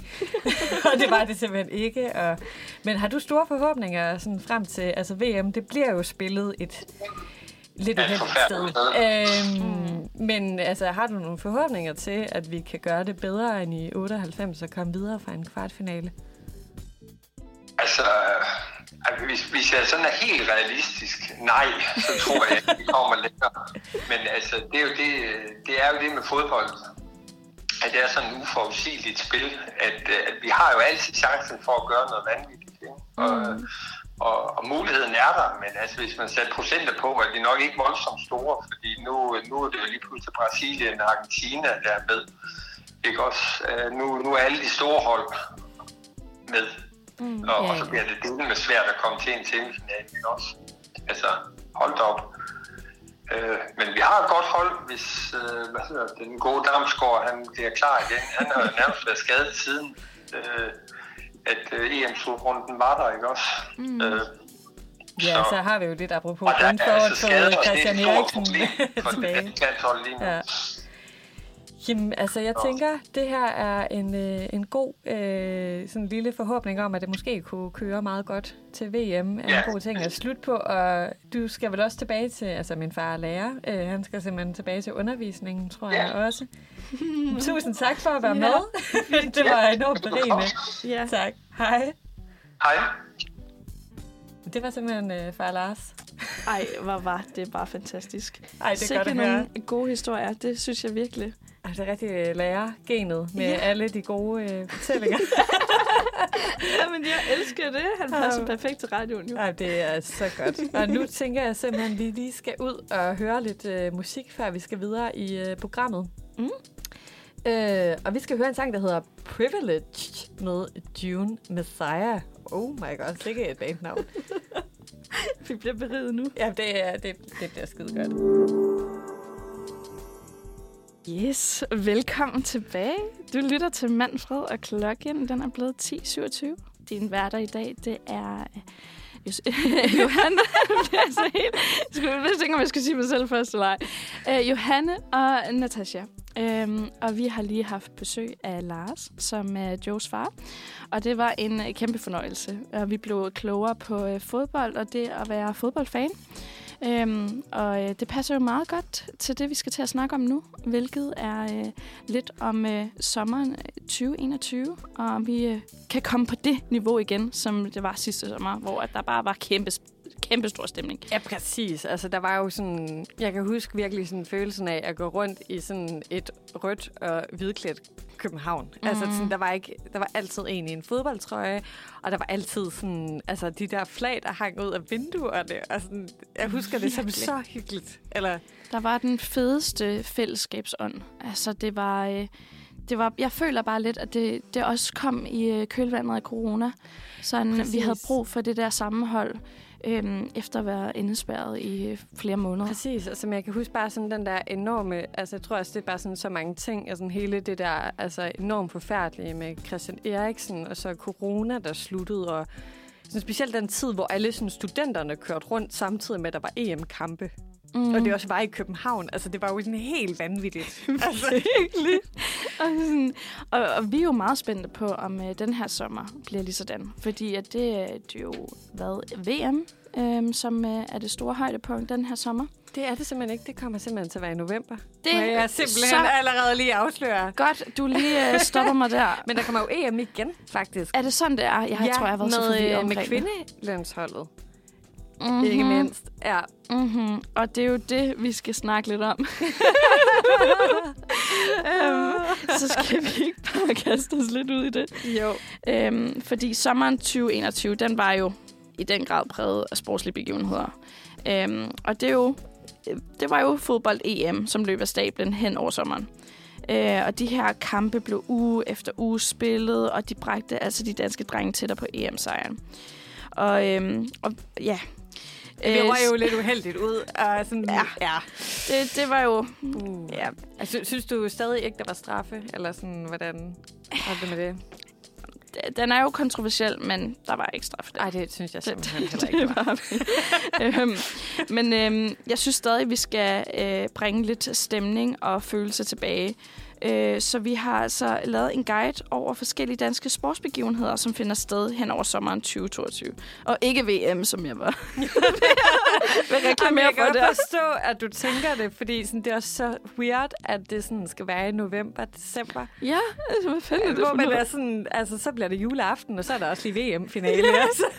What the fuck? Men jeg føler lidt, de skal jo spille nogle kampe øh, i juni. Ja, præcis. Så Jamen, der er lidt- der, der er, er lidt stemning, Ja. og der skal også noget, der skal spilles i parken, hvis nok. Og sådan. Ja, lige det, det præcis. bliver godt. Det bliver godt. Øhm, men øhm, jeg synes bare, at, øh, at I skal følge med her, fordi at øhm, fordi vi skal starte i et, et lidt andet hjørne. Vi skal nemlig starte på cyklen, øh, fordi at øh, en af de større sportslige begivenheder, det er jo naturligvis øh, turen, som har opstart i Danmark. Og hvis du ikke lige ved, hvad det er, så kan jeg fortælle dig, at det omhandler cykelløb, og mere specifikt det cykelløb, der hedder Tour de France, som jeg tænker, de fleste nok er bekendt med. Øhm, men blot for prins Knuds skyld, så tager vi da altså lige et kort recap af, hvad Tour de France egentlig er. Turen havde sin oprindelse i 1902 og betegnes som den hårdeste og dertil mest prestigefyldte cykelløb. Af navnet Tour de France, som på dansk betyder Frankrig, Frankrig rundt, lyder det så sådan, at det foregår i øh, de franske alper, samt landevej, og disse øh, etapper i forskellige terræn, terræn vil fortsætte i tre uger. Dog vil det så i år fra den 1. 7. starte på dansk jord, øh, hvor vi har en enkelt start på 13 km, der strækker sig rundt i det centrale København. Så her kan du altså fange hurtige gutter, blandt andet ved Amalienborg, Inderhavnsbroen, Superkilen og øh, Nikolaj Kunsthal eller Latinkvarteret. Hold da Ja, er det, er det noget, du tænker, du skal øh, være vidne til? Altså nu er det sådan, jeg vil faktisk sige, at jeg, sådan, jeg er en, øh, en, der altid kan lokkes til sådan at se lidt øh, sport i, øh, men jeg har aldrig, aldrig, aldrig, aldrig været til cykelløb. altså, simpelthen. det må jeg simpelthen indrømme, at det, det kan simpelthen ikke få mit pis i gå. Jeg tror, at det har noget med det der med at være vokset op i en tid, hvor at sådan gang på gang har man fået afsløret, at nogen sådan ligesom havde dopet sig til en sejr. Mm. Så jeg kan mærke, at jeg har meget sådan lidt tillid til, at, øh, at de er rene, eller sådan, at det sådan foregår sådan, på sådan færre vis. Altså, der er garanteret nogen, der kommer efter mig. Men jeg tror bare, det, åh, det, det er sådan, jeg har lidt svært ved at, ved at holde af den sportsgren, også fordi jeg synes, den er sådan lidt, altså sådan den måde, det bliver filmet på, eller sådan, det er nogle gange sådan svært at Ja. følge med i det, også fordi der er jo et sådan helt samlet regnskab, og sådan, der, er sådan, der er mange ting i det. Ja. Hvad med, hvad med dig? Er du øh, en øh, Tour de Mm. France-pige? Altså, jeg, jeg kan virkelig godt følge dig i det, du siger. Ja. Men sådan, jeg følger heller ikke med overhovedet. Men jeg har minder fra øh, sommeren, Ja. øhm, sådan, hvor jeg var, altså, måske, jeg ved ikke, hvor gammel jeg har været, sådan 8-9 år, hvor vi Ja. har været oppe i sommerhuset. Ja. øh, hvor det har kørt. Det har bare, sådan, det har bare kørt ja. øh, på fjerneren, og sådan... Jeg får bare sådan, øh, sådan associationer til sommer, når jeg tænker på Tour de France. Det gør jeg faktisk også Ja. virkelig meget. Altså, Så på en eller anden måde, så kan jeg godt lide det, og nu har jeg prøvet at sætte mig ned og se det, fordi jeg godt kunne lide den følelse, jeg havde dengang, hvor. Mm. det kørte. Øhm, men jeg, jeg får sgu ikke den samme følelse. så sådan, nej. det, det, det er ikke, fordi jeg sidder og, og følger med, men jeg kan godt lide at, at have det kørende lidt, fordi der er ja, de der vibes fra dengang, hvor man var yngre og spiste jordbærterte og, var i sommerhus, og det kørte i baggrunden. Jamen, altså, det forstår jeg virkelig, virkelig, virkelig, virkelig godt. Men øhm, altså, hvis man så ikke er så meget til cykelsport, så kan vi jo i stedet tage ind og se det danske kvindelandshold. Øhm, den 24. 6. kl. 19 spiller de deres første testkamp i EM-turneringen mod Brasilien i parken. Øh, og det, til en lille fun fact, så er det kvindernes første kamp i parken. Uh. Det er fandme vildt. Det er så vildt. Øh, og, og mærkeligt, at det ikke er sket noget før. Øhm, men øhm, Brasilien, det er altså et af de bedste hold i verden. Og intet mindre end en syvdobbelt vinder af de sydamerikanske mesterskaber, samt en VM-sølvmedalje fra 2007.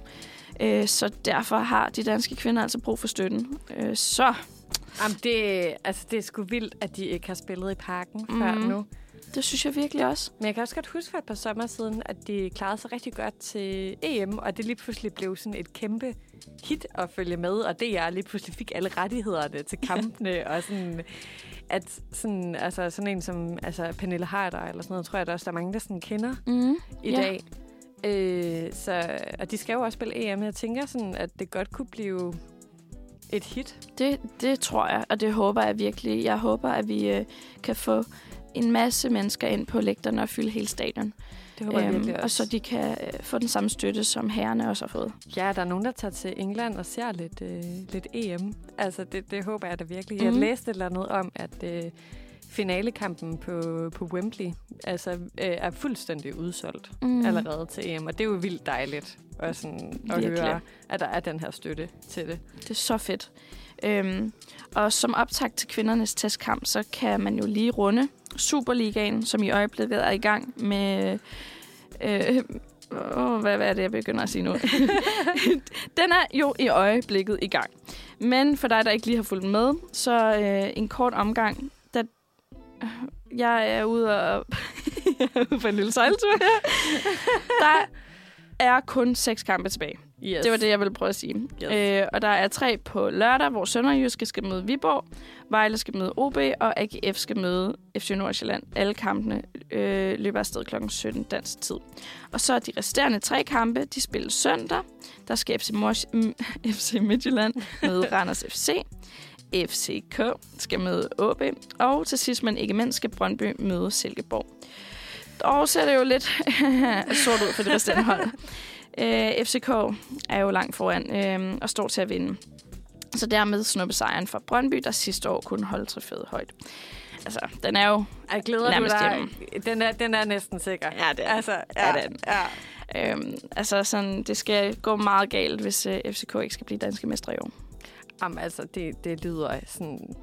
Det lyder sindssygt dejligt for dig. Altså, nu har jeg jo ikke selv et sådan stort forhold til FCK, men du har jo lidt sådan teaset for, om du skal oplære mig til at blive en, øh, Mm. en lille FCK-fan. Virkelig. Altså, det, det bliver du nødt til. Det er byens hold. Og jeg er farvet, det, det må jeg sige. Øhm, men har, det du, er, øh, ja. har, du sådan et, har du et minde om, at de blevet... Altså, de er jo helt er blevet mestre før, så meget ved jeg dog. Øhm, Mm. Har du sådan et minde for det? Altså, jeg har ikke været med til at fejre øh, mesterskabet endnu. Øh, Jeg tror også, det er fordi, at... Ja, det er, hvad, hvad er det? Er det tre år siden, de vandt sidst? Øhm, og der boede jeg hjemme. Og sådan... Ja, det, har, det er bare en anden følelse, når man er inde i København og, og kan være med til at fejre på den måde. Mm. Og sådan. Så jeg har ikke et, et decideret minde andet, end at jeg bare altid har set det med min far derhjemme øh, sådan søndag. Så sådan, øh, det, det er bare ja, fedt at kunne øh, følge, med et, øh, følge med et hold og holde med et hold. Så jeg glæder mig så meget. Også selvom jeg ikke skal ind og se kampen desværre på søndag. Ej, hvor ærgerligt. Mega. Ja. Men øh, jeg håber, jeg kan komme med ud i, øh, i byen og fejre Ja. drengene. øhm, men altså, øh, inden vi går videre, skal vi så ikke øh, snuppe et lille nummer? Lad os det. Øhm, og vi skal høre et nummer, der hedder Jeg er Don. Øh, med, med Sofia Hedia.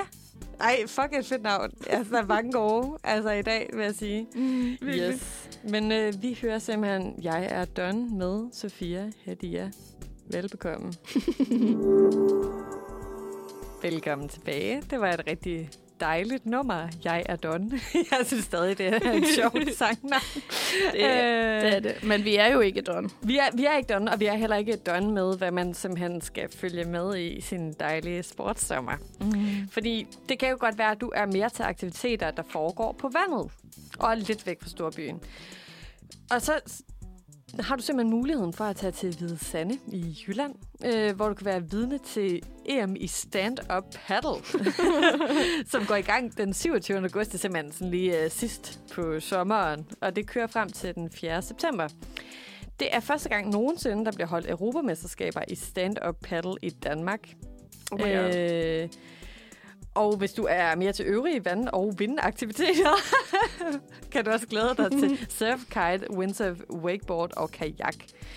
Altså, sådan, der er simpelthen lige en sidste sådan, øh, guide til vandtingene. Altså, det er sådan, jeg elsker også. Altså, jeg er selv fra Svendborg, Ja. der er jo, der er jo vand tæt på. Fedt.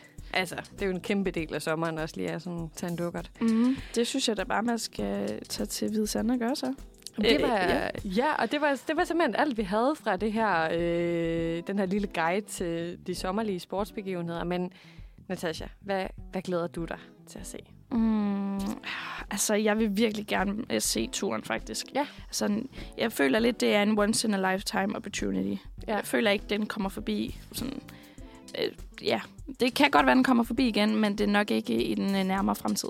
Så Nej. sådan, øh, det, det tror jeg, det vil jeg gerne. Og så tror jeg også gerne, jeg vil øh, nå at se nogle kampe. Øhm, fordi at de skal spille noget kvalifikationskamp, tror jeg, øh, herrene. Ja. Øh, mod Østrig eller noget. Jeg mener, det, det, der, det er den der mærkelige, sådan lidt hyggeturnering, de har, der sådan hedder øh, Nations League eller sådan Ja. noget. Ja. Og de skal spille mod Frankrig, som de også skal spille mod til VM. Okay, ja. ja. Og Østrig, mener og jeg også. Østrig, ja. Jeg Det tror, er det er sådan- Kroatien. Altså, hvis jeg... Uh. Ja. Ja. alle, mulige, alle, alle de gode lande. Det gad jeg godt lige også runde, ja. hvis man lige får mulighed for det. ja. Hvad med dig? Jamen, altså, jeg tænker også, at... Øh, jeg tænker ikke, jeg skal se turen. Med mindre, at... Øh, sådan, der var jo sidste år, var der en dansker, der blev nummer to, så vidt jeg husker. Mm. Øhm, og hvis det går godt for ham, så kunne jeg simpelthen... Altså, så jeg er jo, der er jo også øh, til fælles for, hvis vi sådan er gode til noget, som er sådan øh, øverst på sådan skamlen i forhold til sådan popularitetsmæssigt, så er jeg jo heller ikke øh, et... Øh, altså et større menneske end det, så hopper jeg der med på vognen. øh, øh, alt for den gode stemning. Men altså, jeg Ja. tænker da også, at jeg sådan helt sikkert skal se alle de der herre landsholdskampe i juni. Altså, jeg er jo også en af dem, der sådan havde alle følelserne i spil sidste sommer, mm. og sådan Mm. kan ikke få nok af det. Men jeg tænker, at vi sådan virkelig skal sådan lige øh, hæve fladet for, altså, for kvinderne og følge med i deres sikkert. EM-slutrunde. For det tænker jeg da også, altså, de, de kan da sagtens nå langt. Det altså, kan det. Det, det må man altså ikke kæmpe sig af. Det, øhm, jeg støtter dem fuldt ud, og jeg føler også, at der skal være mere fokus på, øh, på kvinderne i sporten. Øhm, det synes jeg ikke, der har været så meget af. Nej, Altså sådan- altså jeg synes også, det er, sådan, altså, det er, lidt, øhm, det er lidt ærgerligt, at der ikke kommer lidt mere sådan, fokus på øh, de gode gamle ladies. Mm. Altså, The ladies, og Ladies. vi kan sgu noget. ja, Det kan, det det kan, vi, vi kan noget. Vi Vi og kan vi kan noget. noget, og jeg synes også, man skal gøre et eller andet for at vise, at sådan, der er den der kønslige ulighed i forhold til, hvor mange der følger med, og løn og alle de der ting, at vi skal prøve at gøre det mere lige. Mm, helt sikkert. Men øh, jeg tænker, vi hører et lille nummer, og så vender vi tilbage med en guide til, hvad du selv kan lave af sportsaktiviteter den Ja. her sommer. Øh, vi skal simpelthen høre et nummer, vi har hørt før i dag. Øh, vi vender simpelthen tilbage til de brændende amoriner med Lærke Lille. Velkommen tilbage. Og som vi lovede lige her før musikken, så skal vi simpelthen ud i øh, at guide dig til, hvordan du selv får lidt sport ind i kroppen øh, den her sommer. Mm. Fordi altså, det tænker jeg, sådan, vi begge to måske kan genkende det der med, at øh, som barn, så har vi jo, du har gået til sådan utallige sportsgrene, hvor jeg er gået til ridning. og man måske gerne vil sådan, altså, lidt ud i at lave noget sport, der er sådan lidt mere sjovt, og ikke bare sådan, er sådan et øh, abonnement i Fitness World, man aldrig får brugt. Mm. Word. Øh, ja, altså kæmpe Word. Der var virkelig mange år i mit liv, hvor jeg betalte til være der sådan to gange. Ikke? Det gør jeg stadig. at du ikke ved videre. Nej. Nej. Oh, ja. Forfærdeligt. Men altså først på programmet, så har vi simpelthen øh, sport i Absalon på Vesterbro. Mm. Og der er simpelthen der er masser af muligheder for at lave nogle, dyrke nogle forskellige sportsgrene. Du kan gå til yoga.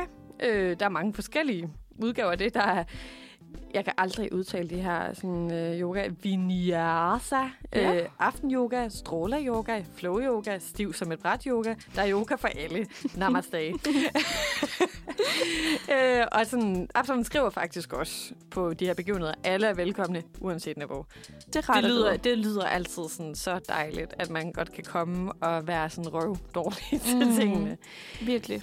De har simpelthen også øh, noget andet, der hedder morgendans på programmet, øh, hvor du kan sådan slå dig løs og danse på din helt egen måde. Altså, der er ikke nogen trin eller rytmer, der er forkerte, så er det kun din egen fantasi og krop, der sætter grænserne. Mm. Alle danser mellem hinanden til forskellig musik. Det lyder meget forvirrende. Øhm, og så er der en instruktør, som blandt andet kommer med inspirerende ord i løbet af timen, Okay. som du simpelthen kan lade dig inspirere af. Øh, Ida, vores øh, øh, dejlige redaktionsmedlem, har prøvet det, og synes, det var vildt sjovt og grænseoverskridende. Ej, hvor fedt. Det synes, jeg synes næsten, vi skulle lave en lille aktivitet ud af til det, til det her som øh, redaktion. det vil jeg virkelig gerne. Det kunne være en sjov reportage, tænker jeg. Ej, det skal Gennem vi da der- lige øh, skrive på. Lad os lige skrive ja. det bag øret. Ja. Men hvis man er til noget lidt mere organiseret dans, så kan man simpelthen også gå til pardans. Fordi hver fredag er der pardans i Absalon, og du behøver ikke have en kæreste for at deltage. Det er rigtig dejligt at høre fra sådan en single lady som mig selv. øh, du må tage hvem som helst under armen øh, med samtykke, selvfølgelig. Mm. Og så danser man ellers forskellige genrer. Øh, på fredag, der står det på cha-cha-cha. Og heller ikke her behøver du at kunne noget på starten. Det, jeg synes, det er så dejligt, de understreger, at man slet ikke behøver at være en kæmpe sådan, danse erfaren Mm. mus øh, for at være med til det her. Øhm, og sådan, man kan bare gå ind på Absoluts hjemmeside og tjekke deres kalender ud, og så kan man finde tidspunkter, priser og så videre. Og det er sådan oftest en øh, 50'er, det koster at være med. Det lyder Og perfekt. det er jo et dejligt sådan, studievenligt budget. Mm. Det synes jeg da også bare, vi skal kaste os ud i. Jamen, lad os det. Hvad er det næste, man kan, man kan lave? Jamen, øh, ved du, hvad discgolf er? Øh, nej. En, øh, en kort forklaring, så er det simpelthen golf med en disk. Øhm, altså sådan en slags frisbee. Det minder faktisk virkelig om noget, man kunne lave til idrætsundervisning. Det er, er sådan en folkehold. mærkelig sportsgrening, der er en sindssyg idrætslærer for det frem, det her. Virkelig. Men øh, det kan man altså få lov til at prøve, og det foregår i Valbyhallen. Og, øhm, Man man det skal... ikke i pakken, der står? Nå, Valby, ja, Valby Park. Thank you. Yes. Øhm, men man skal selv medbringe disks, så øh, man skal måske være lidt mere committed, øh, før man tager derhen. Men øh, der er altså 18 huller på sådan en bane, og så ligesom i golf, så gælder det om at gennemspille banen, så man skal ramme alle hullerne med færrest mulige kast. Øh, og så tager det sådan cirka 2-3 timer, hvis man er fire mennesker. Øh, men øh, hvis det lyder noget, så om noget for jer, så kan I øh, gå ind på valbyparken.dk og læse meget mere om det.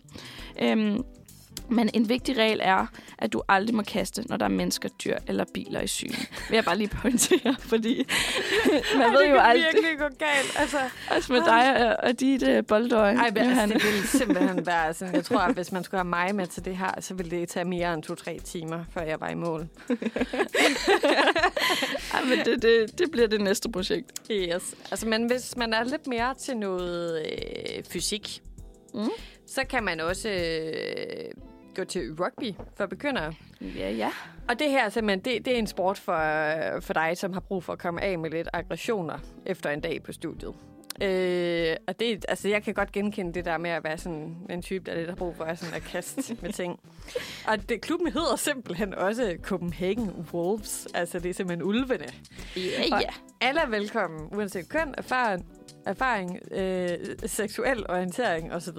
Altså, det er simpelthen det er åbent for alle Copenhagen Wolves. Perfekt. det lyder fedt. De lægger også meget vægt på det sociale med mange arrangementer, så har man mulighed for at score sådan nogle nice nye venner til mm. det her. Det lyder da skide, skide godt.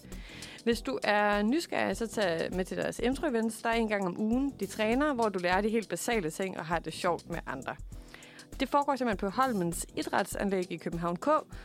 Og hvis du gerne vil vide lidt mere, så kan du gå ind og læse mere på hjemmesiden copenhagenwolves.com.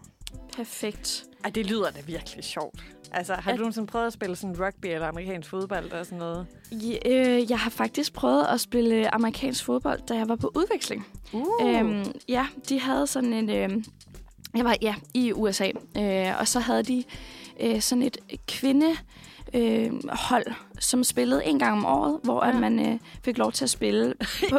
en gang om året. ja. Det er simpelthen, når kvinder får lov til at spille amerikansk Men det var sådan virkelig... Det var jo kun fyrene, der fik lov til at, at Jamen, det er spille. jo også bare sådan, alle film og serier, man har set, så er det jo bare altid fucking mændene. Virkelig. Men øh, vi fik lov til at have et um, one minute of shine, så øhm, det var meget sjovt at være med til. Det var sådan øhm, på en lidt anden måde, end øh, de gjorde det øh, normalt. Men øh, det var meget sjovt, synes jeg. Så, så, så lidt erfaring har jeg også med det. Hvor godt. Du har simpelthen erfaring med det hele. Ja, det må man sige. Men øh, jeg tænker, vi har lige en sidste sportsgren, vi også lige vil guide dig til. Har du erfaring med den? Uh, ja, altså, øh, nej. ja, nej. Jamen, det er jo fordi, at øh, vi snakker om triathlon, så det er jo faktisk flere discipliner, man bliver øh, øh, kastet ud i. og øh, det er jo for dig, der tænker, jeg skal fandme ud og dyrke noget sport i lang tid. Øh, for triathlon, det er svømning, cykling og løb. Øh, har du erfaring med det, Johanne? Jamen, jeg tror, vi engang sådan på sådan skolernes idrætsdag øhm, lavede noget, der sådan, altså, som var en eller anden form for sådan babyform, eller sådan for triathlon. Men jeg kan godt huske det der med, at man skulle ud og gøre de der forskellige ting. Altså, det er sådan, jeg har aldrig... Altså, jeg er et meget utålmodigt menneske, og et sådan menneske, der virkelig godt kan blive ramt af... Altså, sådan, altså, det, sådan en enorm surhed over at skulle noget så uoverskueligt. altså, så det er, jeg kan faktisk ikke forestille mig noget værre, end at sådan skulle ud og både sådan svømme og cykle og løbe, og bare sådan have det redselsfuldt Mm. i mange timer. Det er jo også sindssyge distancer. Altså sådan en Ironman, det er jo 3,8 km svømning, sådan 180 km cykling og 42,2 km løb. Jamen, altså, bare for, for, altså, alene det med at sådan, skulle løbe et maraton, det lyder som mit personlige helvede. Og sådan ting, og så, så jeg skulle have cyklet og svømmet før. Præcis. altså, men altså hatten af for dem, der kan. Der har også lige været uh, Copenhagen Marathon. Øh, Jamen, der er en, øh, jeg kender en, der har simpelthen gennemført det. Altså, sindssygt. altså point til hende for det. Mm, det er så flot. Øh, man kan jo også sigte efter en kortere tur. Sådan. Men ja, det ved jeg ikke om. ja, ja, sådan 1500 meter svømning, 40 km cykling og 10 km løb. Det synes jeg også lyder umiddelbart eh, totalt uoverskueligt. Puha. Vi har jo snakket om, at vi bare synes, det er uoverskueligt at sådan cykle på arbejde igennem. Øh, men altså, du kan simpelthen godt øh, melde dig til. Hvis du tænker, at det lyder lige som noget for mig øh, med triathlon, så er der Tri Club på Østerbro, hvor du kan købe et medlemskab, og så har du adgang til faciliteter og undervisningstimer, så du rigtig kan komme i form. Og det er sådan, alle niveauer er igen velkomne. Mm. Så hvis man lige pludselig var sådan, nu skal jeg simpelthen kaste mig ud i det her, øh, så kan man simpelthen det. Perfekt. Øh, du kan også tjekke deres hjemmeside, der hedder tryclub.dk. Øh, og du bør nok øh, investere i lidt udstyr. Altså det, man skal måske ikke komme med sin gamle, slidte, dårligt kørende cykel. Jeg tror ikke, jeg vil komme så langt i hvert fald. Nej, jeg tænker også, det er sådan, jeg allerede vil stoppe der. Altså, jeg har engang sådan nogle øh, sådan de der bade øh, svømmebrillerne. Det her er jeg heller ikke. Eller sådan. Ej, jeg skal heller ikke svømme mere. Efter det der vandpolo, så er det nok for mig. Ej, det, det, altså, men jeg tænker, at vi ønsker held og lykke til alle vores øh, måske kommende triatleter derude. Mm. Ja. Og så skal vi simpelthen også at runde af for i dag. ja, vi har fået nok sport for, for, det er simpelthen, det, det er sgu ved at, tiden er ved at løbe fra os. Ja. Øhm, men jeg håber, I har fået en masse god inspiration til, hvad øh, man skal se af sport, og hvad man skal dyrke af sport, og også sådan øh, lidt historik bag sådan DBU, og også bag sådan fodbold, som min kære, kære far ligesom stod for. Ja. Og så håber I har haft en lige så dejlig formiddag, som vi har haft herinde i studiet. Mm, det har virkelig været en fornøjelse. Tak for i dag. Tak for i dag, og øh, husk, der er Manfred igen øh, i morgen. Øh, og så kommer vi igen næste onsdag. Yes. Hej hej. Hej, hej, vi ses.